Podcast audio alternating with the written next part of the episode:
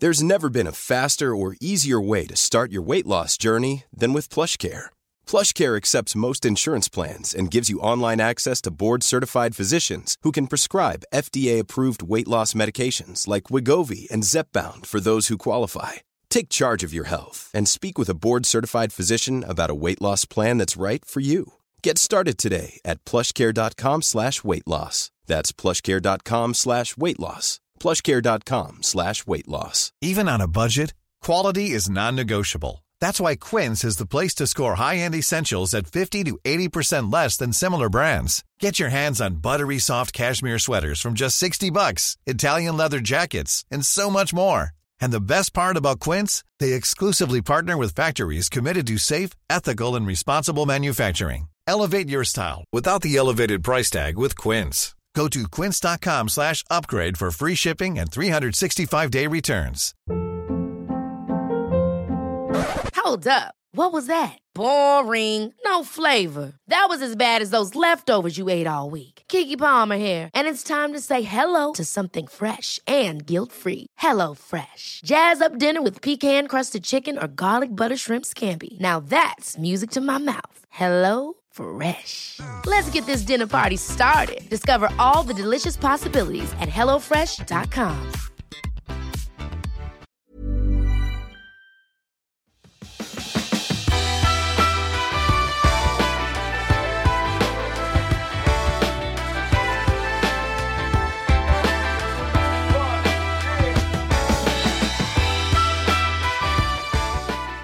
Hej och välkommen till Klimakteriepodden med mig, Åsa Melin. Tack för hyllningar och hurrarop efter förra avsnittet. Jag blir så peppad av allt det här. Jag uppskattar det så mycket. Det ska ni veta allihopa. Tack! I oktober infaller många temadagar. Bland annat så kanske några av er noterade internationella klimakteriedagen den 18. Men det är också månaden med mycket fokus på bröstcancer, Rosa oktober. Och det tycker jag är superbra, även om jag också tycker att alla kvinnor som kämpar med en cancerdiagnos förtjänar uppmärksamhet alla årets månader. För ett drygt år sedan så var jag inbjuden av Bröstcancerförbundet och Cancerfonden till ett event för unga kvinnor med bröstcancer. En hel rad kunniga och intressanta personer var med och jag föll särskilt för Yvonne Wengström som hade en så spännande forskning att visa. Studier som nämligen visar att kvinnor som går igenom eller har gått igenom en cancerbehandling mår bättre på flera plan om man tränar. För mig lät det först helt omänskligt att man inte bara ska vara sjuk utan man ska träna för att bli frisk. Men sen förstod jag mer och tankarna gick vidare till hur jag själv mått bättre genom klimakteriet, eh, även om jag inte har kämpat med en cancer. När jag faktiskt har hittat eh, mitt bästa sätt att träna och det är absolut inte som innan. Och det kräver lite känsla och självinsikt. Hur som helst, Yvonne är en sjuksköterska som vill hjälpa kvinnor att hitta hälsa utan mediciner.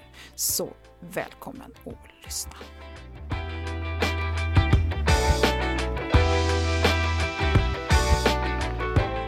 Yvonne Wengström, hjärtligt välkommen till Klimakteriepodden.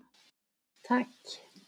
Roligt att ha dig med. Du och jag träffades för ungefär ett år sedan Eh, på ett event på, eh, med Bröstcancerförbundet och Cancerfonden som ju var väldigt, eh, väldigt, väldigt energigivande för då var vi mitt i den här liksom, pandemin men, och nu håller vi på att ta oss ur. Men du och jag ses i alla fall digitalt så, så, så kan man göra ändå.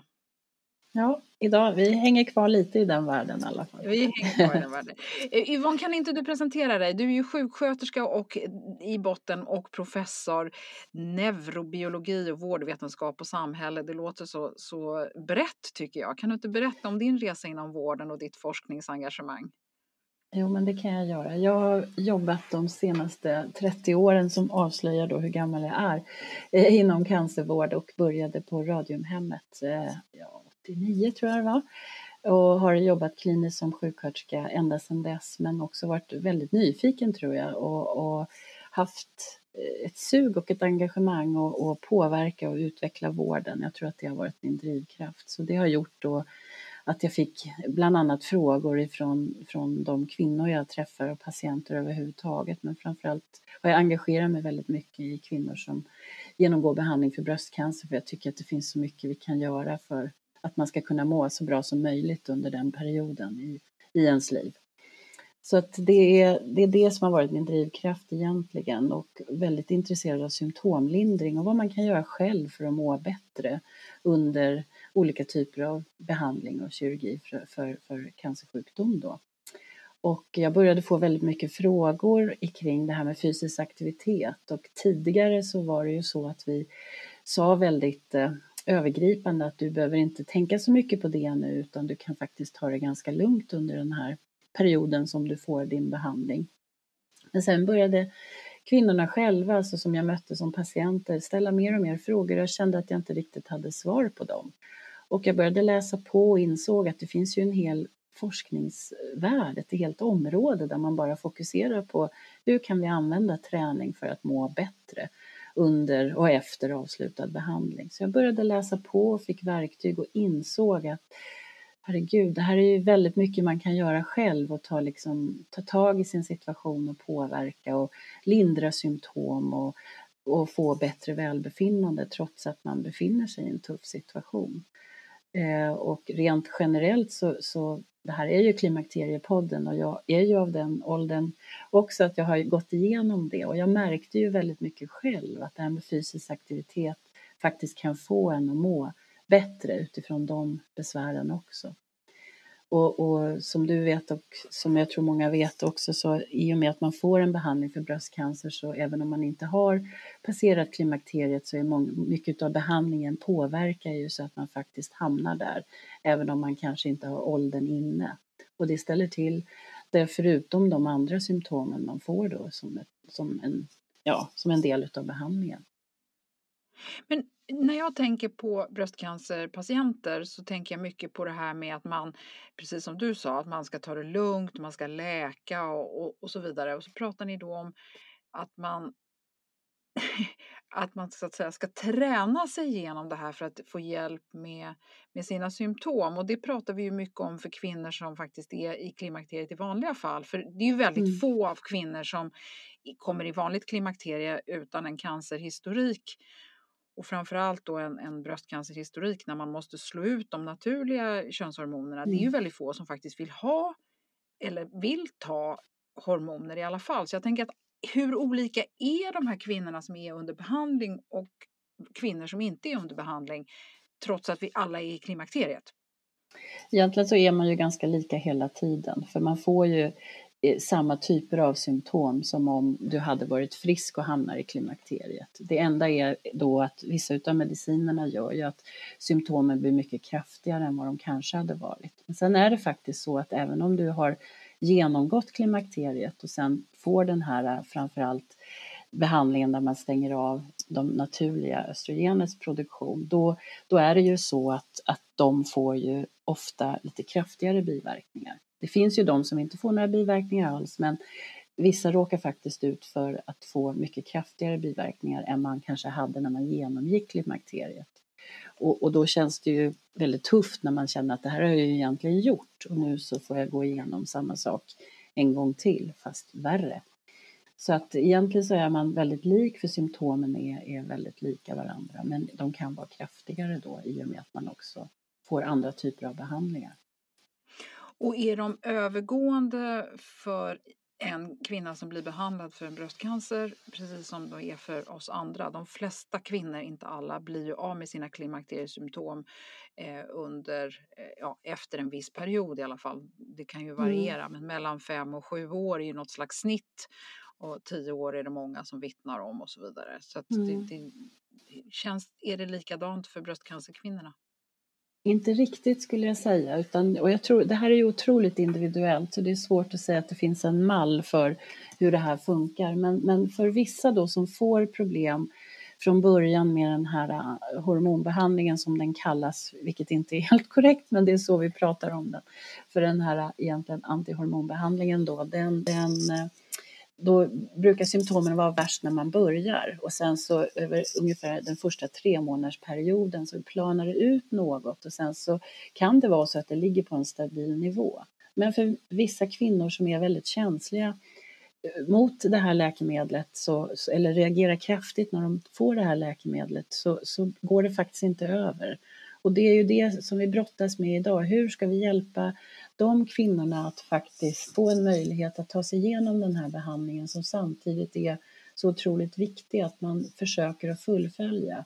Men det säger sig självt att om man har väldigt mycket biverkningar så orkar man ju inte med det hur länge som helst och de avtar för, för vissa av kvinnorna inte då under kanske en tioårsperiod och då är det inte så många som orkar fortsätta med den här typen av behandling under så lång tid utan att få någon typ av hjälp. Och läkemedel går inte, som du precis har pratat om, utan då måste man göra andra saker för att försöka lindra de här problemen. Och berätta, vad finns det då för verktyg? Ja, det är ju egentligen precis som, som eh, för vilken kvinna som helst, att det finns saker som triggar igång de här biverkningarna eller de här klimakteriebesvären som man har. Och väldigt vanligt är ju de här vallningarna, men också muskel och ledsmärta är en vanlig eh, del av den här behandlingen och eh, påverkan på slemhinnor, både i mun men också i underlivet, egentligen alla slemhinnor. Ögon kan man också ha problem med. Och när det gäller det då så är det vissa triggers och det är till exempel alkohol, framförallt rött vin ska man försöka undvika. Kaffe triggar ju också igång de här vallningarna. Och när det gäller då muskel och ledsmärta så, så är det mest effektiva faktiskt en kombination av någon typ av styrketräning där man liksom får ordentlig kraft i skelettet men också konditionsträning. Så att de som, det vi har sett i forskningen idag just när det gäller pågående behandling för bröstcancer så handlar det väldigt mycket om att göra egentligen följa eh, WHOs riktlinjer för 150 minuter på, av fysisk aktivitet på medelnivå och gärna med två eh, styrkepass under den här perioden. För det finns otroligt goda effekter har vi kunnat se på just eh, ledsmärta. Jag vet inte om de som, de som tränar något sån regelbundet brukar också säga det att jag mår så mycket bättre efter att jag har varit på ett Friskis eller något typ av styrketräningspass. För jag känner att jag har mycket mindre i kroppen och det här kan då hålla ett par dagar. Och sen känner man att nu är det dags att fylla på lite av den där effekten igen för man blir lite stelare och får lite ondare i leder och och, och verk på det viset. Så det tycker jag är egentligen precis samma sak som för alla kvinnor som har den här typen av besvär. Mm. En sak som jag tycker är spännande med den här studien, ni ser ju då att den här träningen gav goda effekter på tillfrisknandet under själva behandlingen. För det jag uppfattade mm. nu är att det här är ju goda effekter hela vägen, även så att säga efter behandling. Eh, berätta, hur, hur, vad, när ni gjorde den här eh, studien. Berätta vad, hur det gick till, för att jag tänker att man även då liksom verkligen kan stärkas av det här som, som icke bröstcancerpatient. Absolut. Jag tänker att det viktigaste budskapet ifrån den här studien vi har gjort är ju egentligen att det aldrig är för sent att börja. Vi kunde ju faktiskt se att de, för det var ju så att alla kvinnor som, som tackade ja och ville vara med och delta, det var 240 kvinnor som, som då lottades till tre olika grupper, två olika typer av träning. Eh, en som bara var kondition och en som var kombinationsträning, det vill säga att man gjorde både styrketräning och kondition. Och en grupp som fick råd om att träning är bra men inte någon, någon speciellt stöd att komma igång eller fortsätta träna. Så då var det liksom tre grupper som vi, man lottades till då, så testade vi grupperna mot varandra och vi kunde så tydligt se för att det var också det att när vi skulle starta den här studien så var det många som sa men inte kommer, kommer några kvinnor vilja börja träna samtidigt som de har fått sin diagnos och är nyopererade och, och ska sedan fortsätta och vi sa att vi tror faktiskt att det finns ett intresse hos kvinnor som drabbas av det här för, för att göra det. Så och det visade sig att det fanns ett stort intresse och jag tror att intresset har blivit ännu större idag för nu är det så känt att många studier har bidragit med så positiv kunskap. Så under pågående behandling blev det så tydligt när vi tittade på resultaten 16 veckor efter. För träningsperioden var då 16 veckor.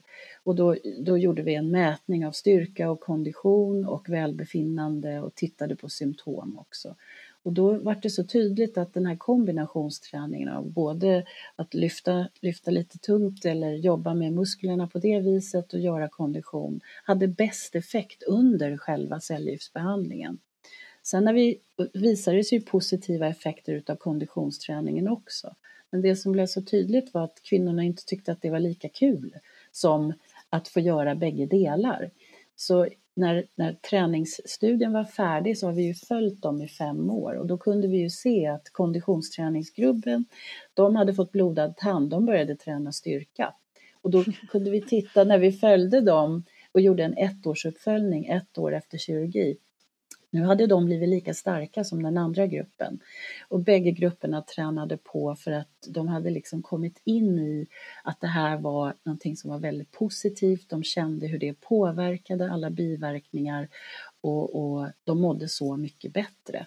Och en, vi intervjuade några kvinnor och det var så tydligt att de sa att det var så skönt. Man tappade håret och började se sjuk ut, för det är egentligen då det syns att man kanske har fått en bröstcancer, annars med kläder på så är det ingen som ser att man är sjuk.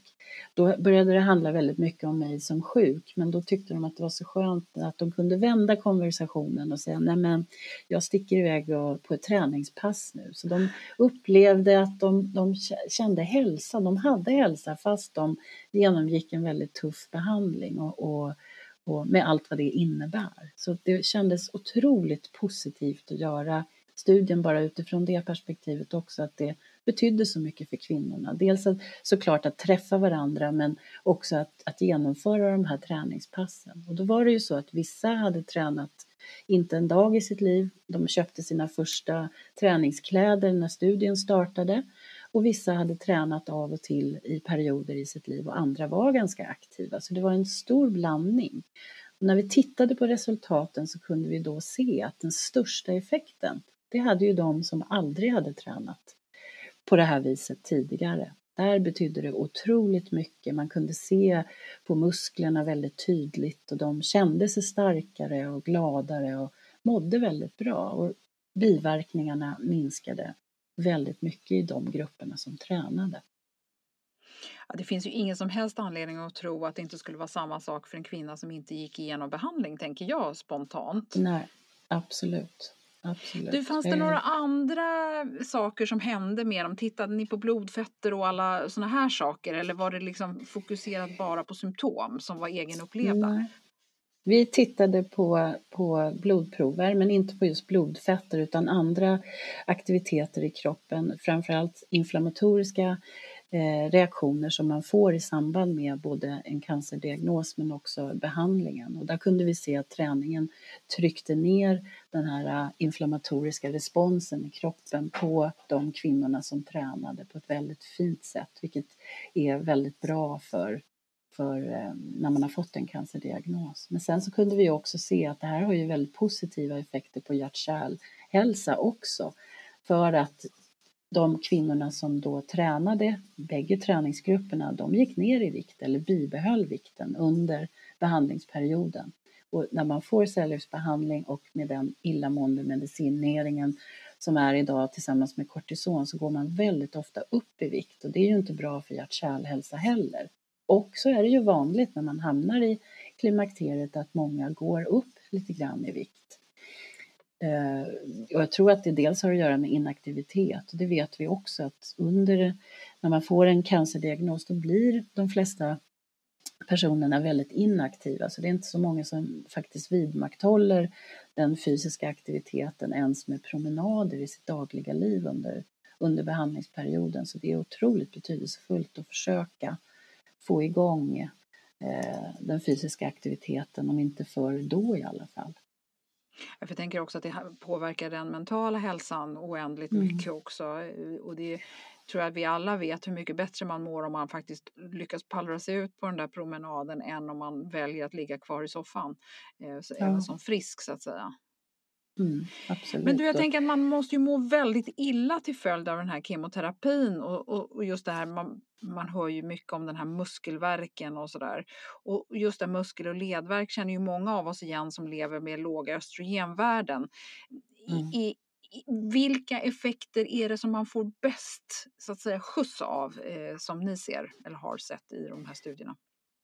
Eh, jag tänker, jag tänker så här att av, av cellgiftsbehandling, det påverkar ju en viss del, till en viss del, men det som är, är den större boven i dramat för, för den här gruppen kvinnor är ju eh, hormonbehandlingen som i mycket större utsträckning ofta ger effekter på just muskel och ledvärk. Och där kan man se utifrån de träningsstudier som finns idag, och det finns ju 900 träningsstudier som är gjorda på över 50 000 patienter med olika typer av cancerdiagnos, att, att det finns så mycket evidens idag, eller vetenskapligt bevis för att, att det här med styrketräning är det som är nyckeln till att faktiskt minska den här typen av smärta. Kondition funkar också, men inte på samma, inte på samma goda sätt som styrketräningen gör.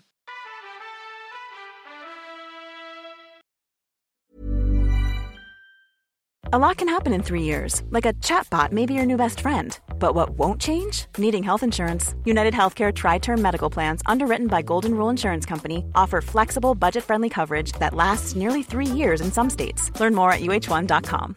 Hey, I'm Ryan Reynolds. At Mint Mobile, we like to do the opposite of what Big Wireless does. They charge you a lot we charge you a little. So naturally, when they announced they'd be raising their prices due to inflation, we decided to deflate our prices due to not hating you. That's right. We're cutting the price of Mint Unlimited from $30 a month to just $15 a month. Give it a try at mintmobile.com slash switch. $45 upfront for three months plus taxes and fees. Promote for new customers for limited time. Unlimited more than 40 gigabytes per month. Slows. Full terms at mintmobile.com. Hold up. What was that? Boring. No flavor. That was as bad as those leftovers you ate all week. Kiki Palmer here, and it's time to say hello to something fresh and guilt-free. Hello Fresh. Jazz up dinner with pecan-crusted chicken or garlic butter shrimp scampi. Now that's music to my mouth. Hello Fresh. Let's get this dinner party started. Discover all the delicious possibilities at hellofresh.com. Det är härligt att klimakteriets tabu äntligen är på väg bort. Vill man försöka klara sig utan hormonbehandling så finns nu många nya kosttillskott som lovar bland annat hormonell balans och som ska stötta brister. Jag vill lyfta min räddare i nöden, Femarel. Det har inte bara varit min utan många andra kvinnors räddning i över 20 år. Och med lång tid på marknaden, med nöjda användare, dessutom med 20 forskningsstudier så vågar jag säga att det kan vara en god idé att prova Femarel. Femarel finns på apoteken och i hälsokostbutiker. Tack Femarel som varit min samarbetspartner i många år.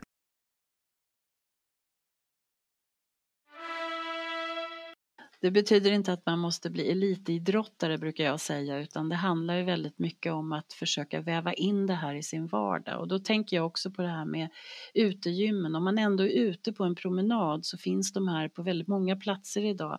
Det skulle man kunna använda och göra några enkla övningar med de större muskelgrupperna. Det finns instruktioner, det är väldigt enkelt och, och det finns extremt mycket idag som, som ligger på nätet där man har kortare och längre olika typer av pass. Det, hjälper, det kan räcka att köpa några hantlar hem och så försöka komma igång.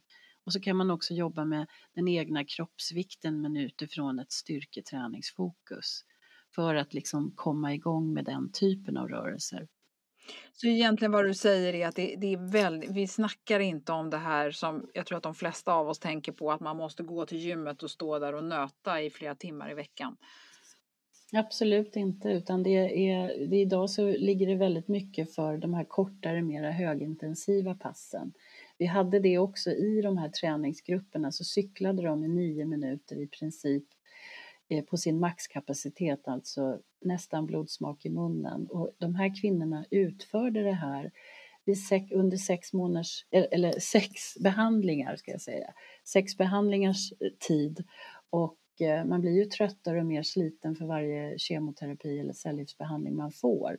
Men de klarade det i alla fall och sen när vi frågade efteråt så kunde vi se att just de här nio högintensiva minuterna, det har de fortsatt med för det tyckte de var så roligt och utmanande. Och då finns det ju många olika typer av sådana här korta högintensiva möjligheter att träna. Så man behöver inte nöta i 45 minuter flera dagar i veckan utan Nej. göra något som är hållbart och framförallt slipper man gå till gymmet. Det är väl det som jag tror att det ja. många drar sig för. Eh, hur mycket skilde sig kvinnor åt då? Går det att dra någon slutsats i vad, att, för jag tänker att man har olika fallenhet beroende på lite grann vad man har för historik och vad man är för typ av människa och hur man ser ut och sådär. Ja, jag tror kanske inte att det bara handlar om det utan vi förstår ju nu att alla kanske inte är intresserade och haka på och börja, börja träna Eh, i, under en svår period av ens liv. Men det finns någonting som heter window of learning opportunity. När man, när man utsätts för någonting så här existentiellt som att få en diagnos, cancerdiagnos i sitt liv, då, då börjar man fundera hur man har levt, hur man vill leva sitt liv framåt och är kanske mera eh, intresserad av att göra vissa livsstilsförändringar. Och det kunde vi se väldigt tydligt att det här lärandefönstret tror jag blev väldigt betydelsefullt för många. Att vi kunde haka på när det fanns ett intresse hos kvinnan att göra en livsstilsförändring och, och, finnas där och stötta för att det är också hur kan man träna när man är opererad, när man får den här behandlingen. Det är också det här huret som är, är liksom det som är viktigt att knäcka för att man ska våga se på någonting sånt här när man ändå tycker att man är en väldigt sårbar plats i sitt liv.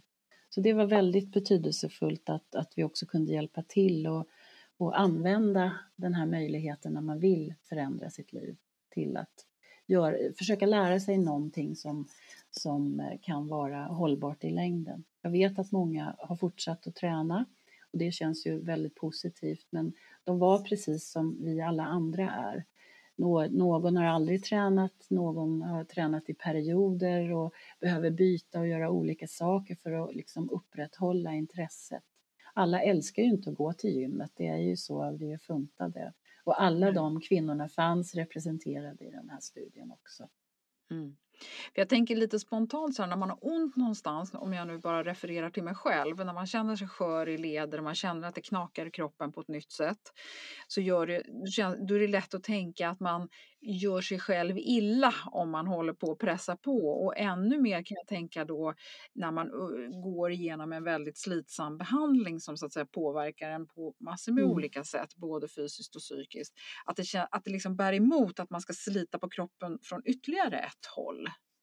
Ja. Och det är nog den vanligaste utmaningen som jag tror att vi har nu för att hur ska vi, hur ska vi hjälpa kvinnor eller personer som har gått igenom den här typen av behandling till att våga ta steget och börja träna.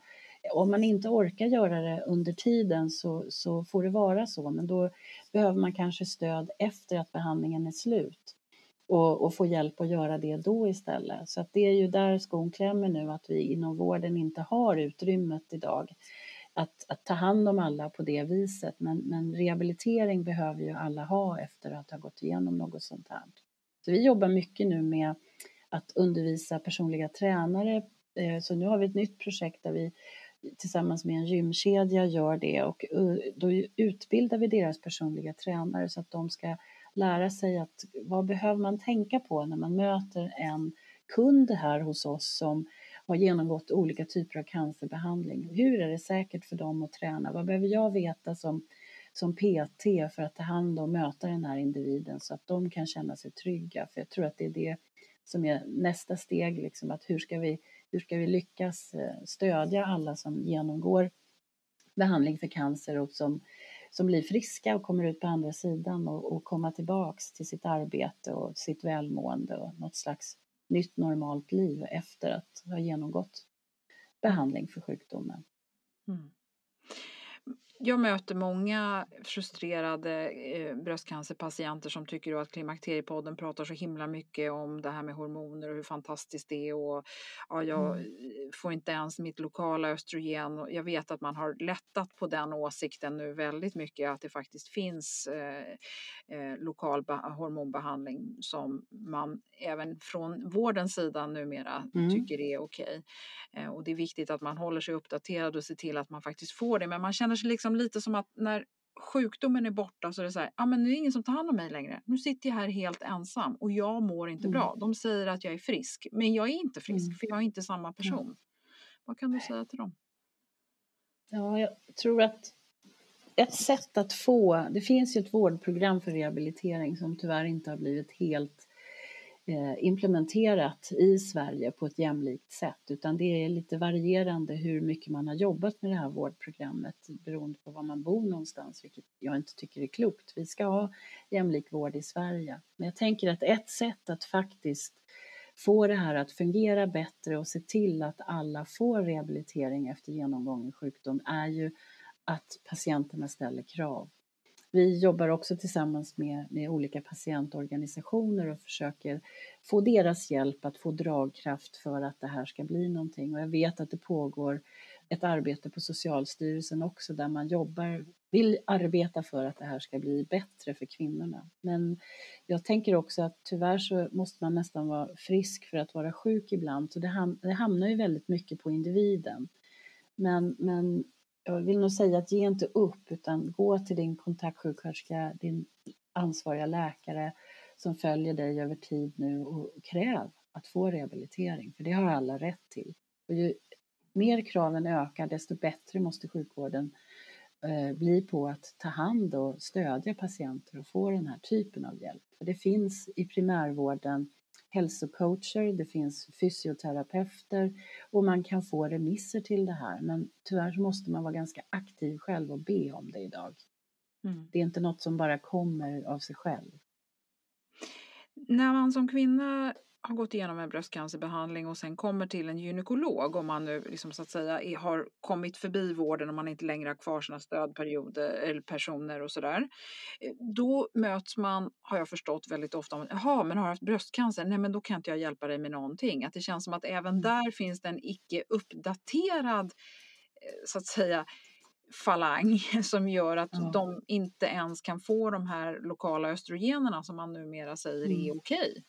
Ja, tänk om man kunde fixa det. ja, tänk om man kunde fixa det. Nej, men det är ju så. Ibland så känner jag att det, det kan ha att göra med att vi är kvinnor.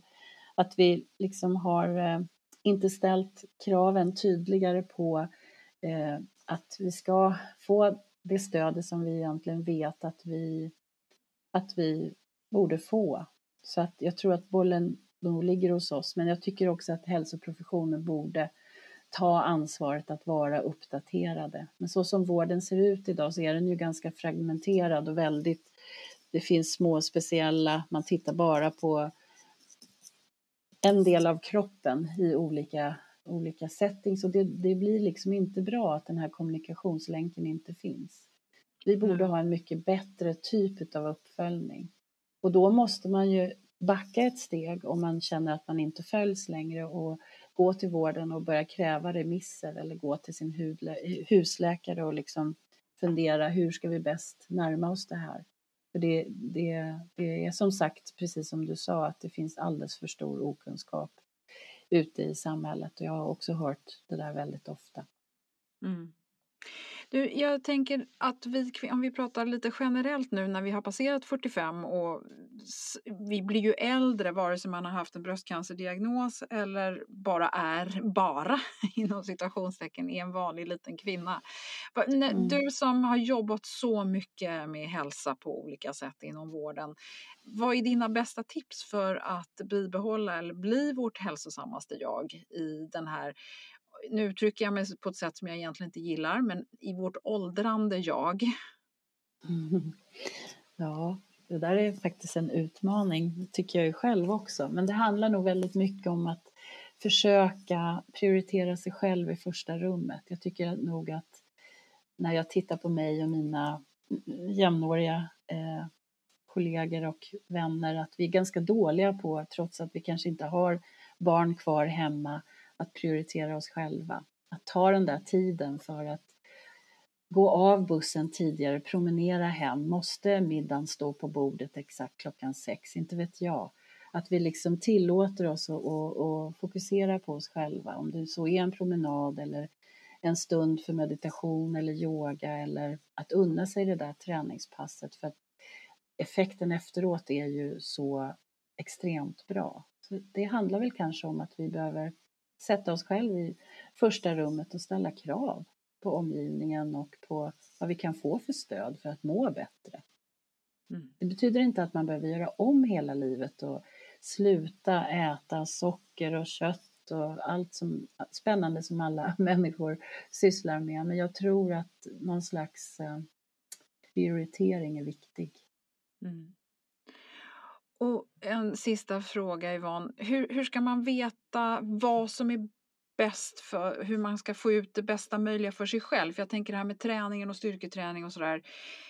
Det kan kännas väldigt, väldigt motigt. Det kan ta emot mm. för vissa medan andra älskar det. Och, och så säga, hur långt måste man gå eller pressa sig själv för att faktiskt få chansen att få ut bästa möjliga för just mig?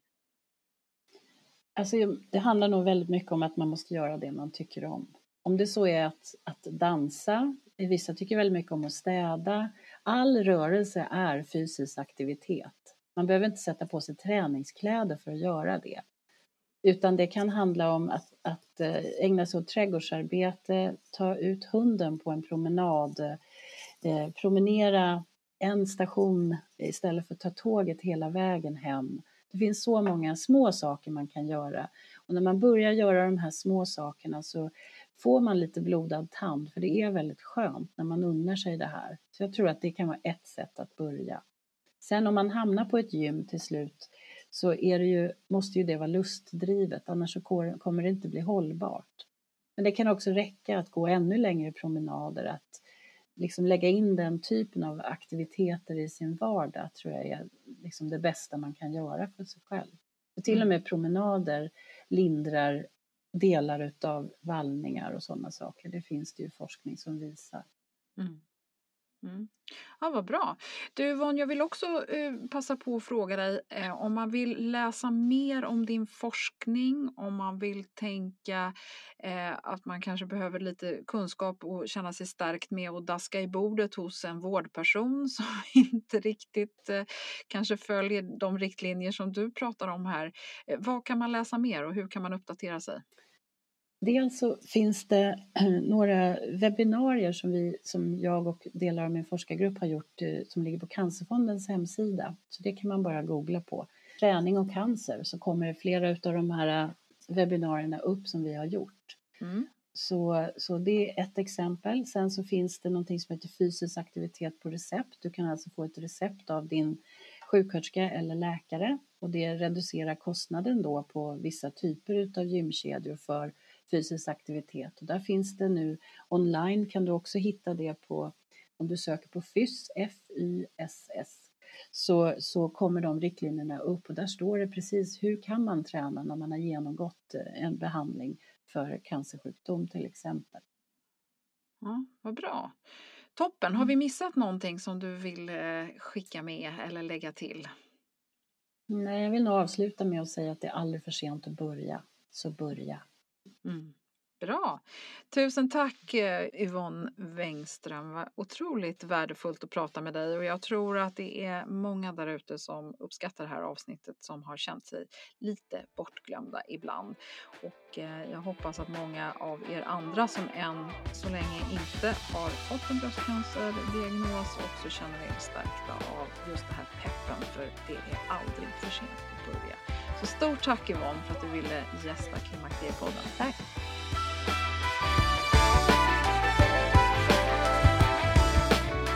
Ja, det var väl skönt med någon som inte talar om hur tungt vi måste lyfta för att det ska ge effekt utan att det kan räcka med lite och man kan komma långt ändå.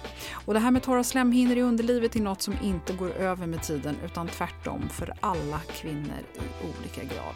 Och inte bara för kvinnor som gått igenom en hormonell bröstcancerbehandling. Så jag vill också poängtera det här med att om du nu haft en bröstcancer så står du inte utan möjlighet till lokal behandling med östrogen. Lyssna gärna på onkolog Dr. Sara Margolin hon är på SÖS och var med i avsnitt 77. Gå gärna tillbaka och lyssna på det. Vi har också lagt upp en rad länkar på klimakteriepodden.se med Yvonnes bästa tips som vi talar om och jag hoppas att du uppskattar och gillar dem. Dessutom så har jag hittat några andra intressanta länkar som är relevanta. Tipsa gärna en väninna om det här avsnittet.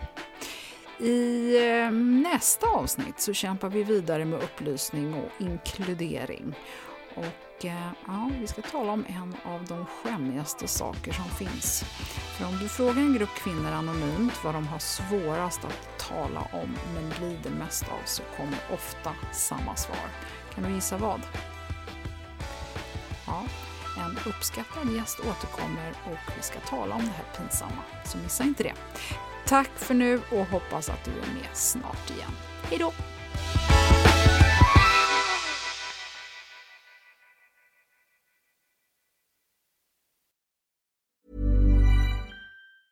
Planning for your next trip? Elevate your travel style with Quince. Quince has all the jet setting essentials you'll want for your next getaway, like European linen, premium luggage options, buttery soft Italian leather bags, and so much more. And is all priced at 50 to 80% less than similar brands. Plus, Quince only works with factories that use safe and ethical manufacturing practices. Pack your bags with high-quality essentials you'll be wearing for vacations to come with Quince. Go to quince.com/pack for free shipping and 365-day returns. Imagine the softest sheets you've ever felt. Now imagine them getting even softer over time. That's what you'll feel with Bowl and Branch's organic cotton sheets. In a recent customer survey, 96% replied that Bowl and Branch sheets get softer with every wash. Start getting your best night's sleep in these sheets that get softer and softer for years to come. Try their sheets with a 30-night guarantee. Plus, get 15% off your first order at bowlandbranch.com. Code BUTTERY. Exclusions apply. See site for details. Hey, it's Paige DeSorbo from Giggly Squad. High quality fashion without the price tag. Say hello to Quince. I'm snagging high-end essentials like cozy cashmere sweaters, sleek leather jackets, fine jewelry, and so much more. With Quince being 50 to 80% less than similar brands.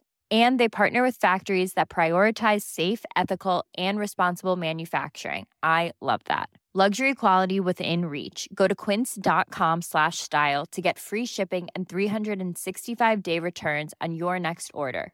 Quince.com slash style.